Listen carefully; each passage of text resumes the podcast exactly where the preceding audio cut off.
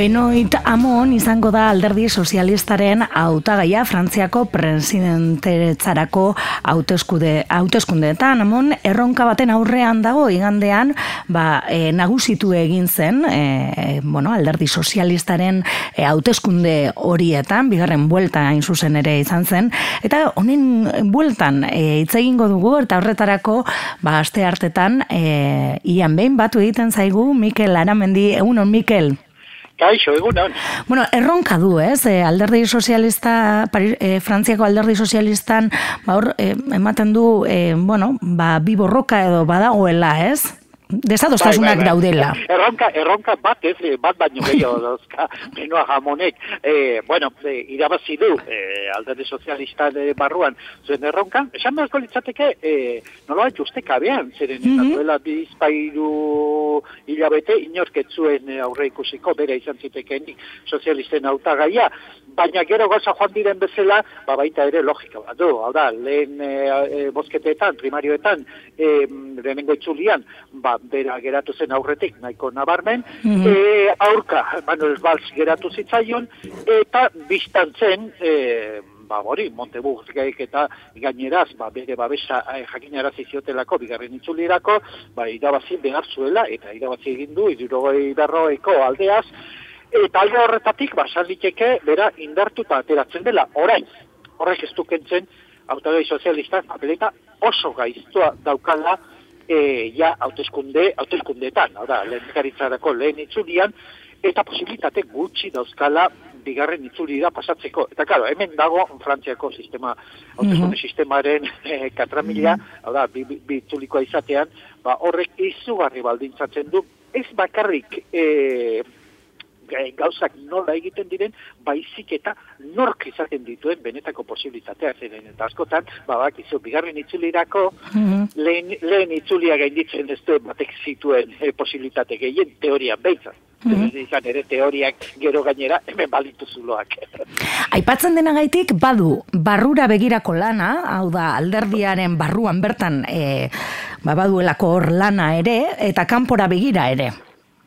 Bai, bai. Bueno, alderdi sozialista puskatuta dago. Alderdi sozialista eh, agintean eta eliseoan, eh, eh, Holanda lendakariarekin, eh, bueno, eh, urte hauek dara matza, baina urte hauetatik ateratzen da, era bat zirpilduta. Mm Eta alderdi sozialista, eh, frantzesa, dago Greziako pasokaren eh, beretsua nola bat esateko. Hau da, ez bakarrik ez dauka irabazteko posibilitate handirik, baizik eta bizirik irauteko ere problema handiak dauzka. Problema handi horietako lehenengoa dudarik gabe barne bat asunik ez da. Baina hori, zaliteke alderdi sozialistaren baitan e, gaitz kronikoa izan dela. Mm -hmm. sozialista inoiz ere ez da alderdi kohesionatu bat izan, eta askotan alderdi bat bakarra zala ere, bazalantzen inbineako litzateke. Baina, bueno, boteriak badakizu, ba, porlan egiten du, eta boterean zaudenean, ba, ba ezadostasunak e, e, xamurtu egiten dira, denentzako postu ere bat edo beste izaten delako eta, eta Holanden gobernuak horrela izan dira. Bueno, pentsatu, e, autagai, i, bueno, alderdi sozialista barruan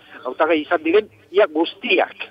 Eta baino baita ere, alderdi sozialista ez bezala, e, autagai izango direnek, e, etako hainbat ere, Holanden gobernukide izan dira. Mm -hmm. e, izan dira. E, beno jamon bera, e, eta baita ere Manuel Valls. E, baino baita ere, ba, Monteburg, Eta, eta e, Holanden ministro izan da, baita ere, Manuel Macron, e, alderditik atera da, bueno, sekula ez da, gehiagi alderdian egon e, ura, e, baina alderditik kanpo, autagai independente bezala, e, hautezkundetara aurkeztuko dena.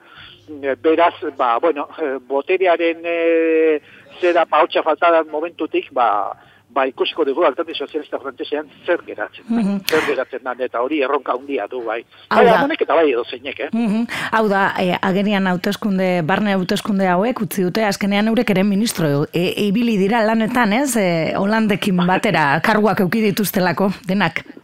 Bai, eta, eta horrek eramaten du, e, bueno, jokoa bera nahiko e, itxusia izatera, esan mm -hmm. e, asko edo gutxi denak dira politika berdintxuen konplize edo partaide. Mm Eta e, beraz ezin dira gehiegi alden du egin denetik. Eta egin direna, egin dena itxusia izan da. E, egin dena batez ere azken fasean, e, Manuel Valls e, e, lehen ministro egon den momentutik, izan da, eskuin, eskuiniko politika bat, dudari gabe, e, baina ez bakarrik e, politika e, sozial edo ekonomikoetan, baita ere politika sekuritario eta eskubideen ingurukoan, e, adap, egina eskuin, eskuineko politika bat. Bere garaian, e, e, RPR-ek ere, apenas egingo zukeina. Baina, gaur egun, mundu guztia, nola baitz, e, Marin Le Penen itzal luzea e, ba, behar duelako, ba, gertatzen ari da, hau guztia, da, e, diskurso politikoak denak e, egin dutela eskubira, baldin eta espal, ba, ba, ba, benizonen ezkerre, ezkerrarena, e, e, oposizio, oposizioko e, diskursoa litekena, baina, bueno, ez da ere estena e, irautzailea, baizik, eta, bueno, da, nola daiteko, ezker, garai baten, sozialdemokrata esango genukeena, de, izko gursa barrekin, baina sozialdemokrazia baino asko gehiago ez. Mm Bueno, e, amoni ere, leporatu diotena dela ez, e, barne hauteskunde hauetan, ba, programa irreala aurkeztea, eta, bueno, ba, pizka bat ere gaztei begira edo, ez, ibiltzea. Bai, de, bueno, amonen badaki eh, jakin behar zuen, hauteskunde presidenzialak irabaztea, oso urruti, oso mm. zail zeukakela. E, horretarako, bigar, e, bigarren itzulira iritsi beharko luke. E, bigarren itzulian ordea mundu guztiak pentsatu nahi du, e, Marin Lepenen aurka, zer, eta Marin Lepen tijotzat ematen da bigarren itzuli horretarako, Marin Lepenen aurka aurkezten duenak irabazita deukakela. Bueno, hori bera ere ikusi beharko da, eh? Munduan gauza asko gertatzen ari dira, e, duela urte bete inorkezken duen esango e, Donald Trumpek e, estatu batetan hautezkunde irabazi behar zituenik, eta regira zazu e, nun dagoen. -hmm. e, beraz frantzian ere e, kontuz. kontuz. Baina e, egia da, egia da, mm, taktika guztiak e, bi, bi itzuliko sistema honetan, zaten direla, bigarren itzuli horretara iristeari begira. E, eta ja, hor, e, kasi emaitzak egin da baleu bezala edo pentsatu gai da. Nik uste dut hori erraskari badala, baina dudarik gabe gune honetan frantziko eskerra behar duena, dudarik gabe e, barnetik barregitea da. Mm -hmm. eskerra arrapatuta dago ditzuliko sistema honetan, eta gertatzen zaio, e, bueno, kukuaren e, arazoa. Hau da, beti etortzen da kuku bat, guztien dio bere, bere politiken arrautza e, txoriaria, eskerraren abi, eskerreko txoriari abien, eh, eskerreko txoriak e, arrautza ura berotu egin behar du, eh, e, arrautza hartatik e, kukukumia ateratzen danean bere arrautza gaineraz bota egiten dizkio, eh, eta zerbait ateratzekotan kuko ateratzen da. Eta hori eten gabe gertatzen ari zaio frantziako e, eskerrari. E, claro, horren aurrean, bueno, ba, ikusten dut, Eliseoan egotea, ez dela eh, elburu errealista bat, mm bai ordea izan behar dukela elburu errealista bat, ezkarra berregitea. Mm -hmm. premio bai. Bai, alderdi sozialista berriro eh, desadosteasun horietatik ateratzea, ez, eta indartzea.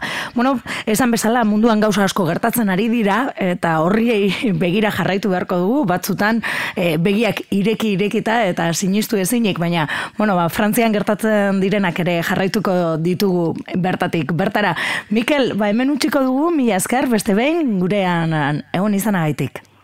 Ba, zuei, eta urren arte. Urren arte, bai.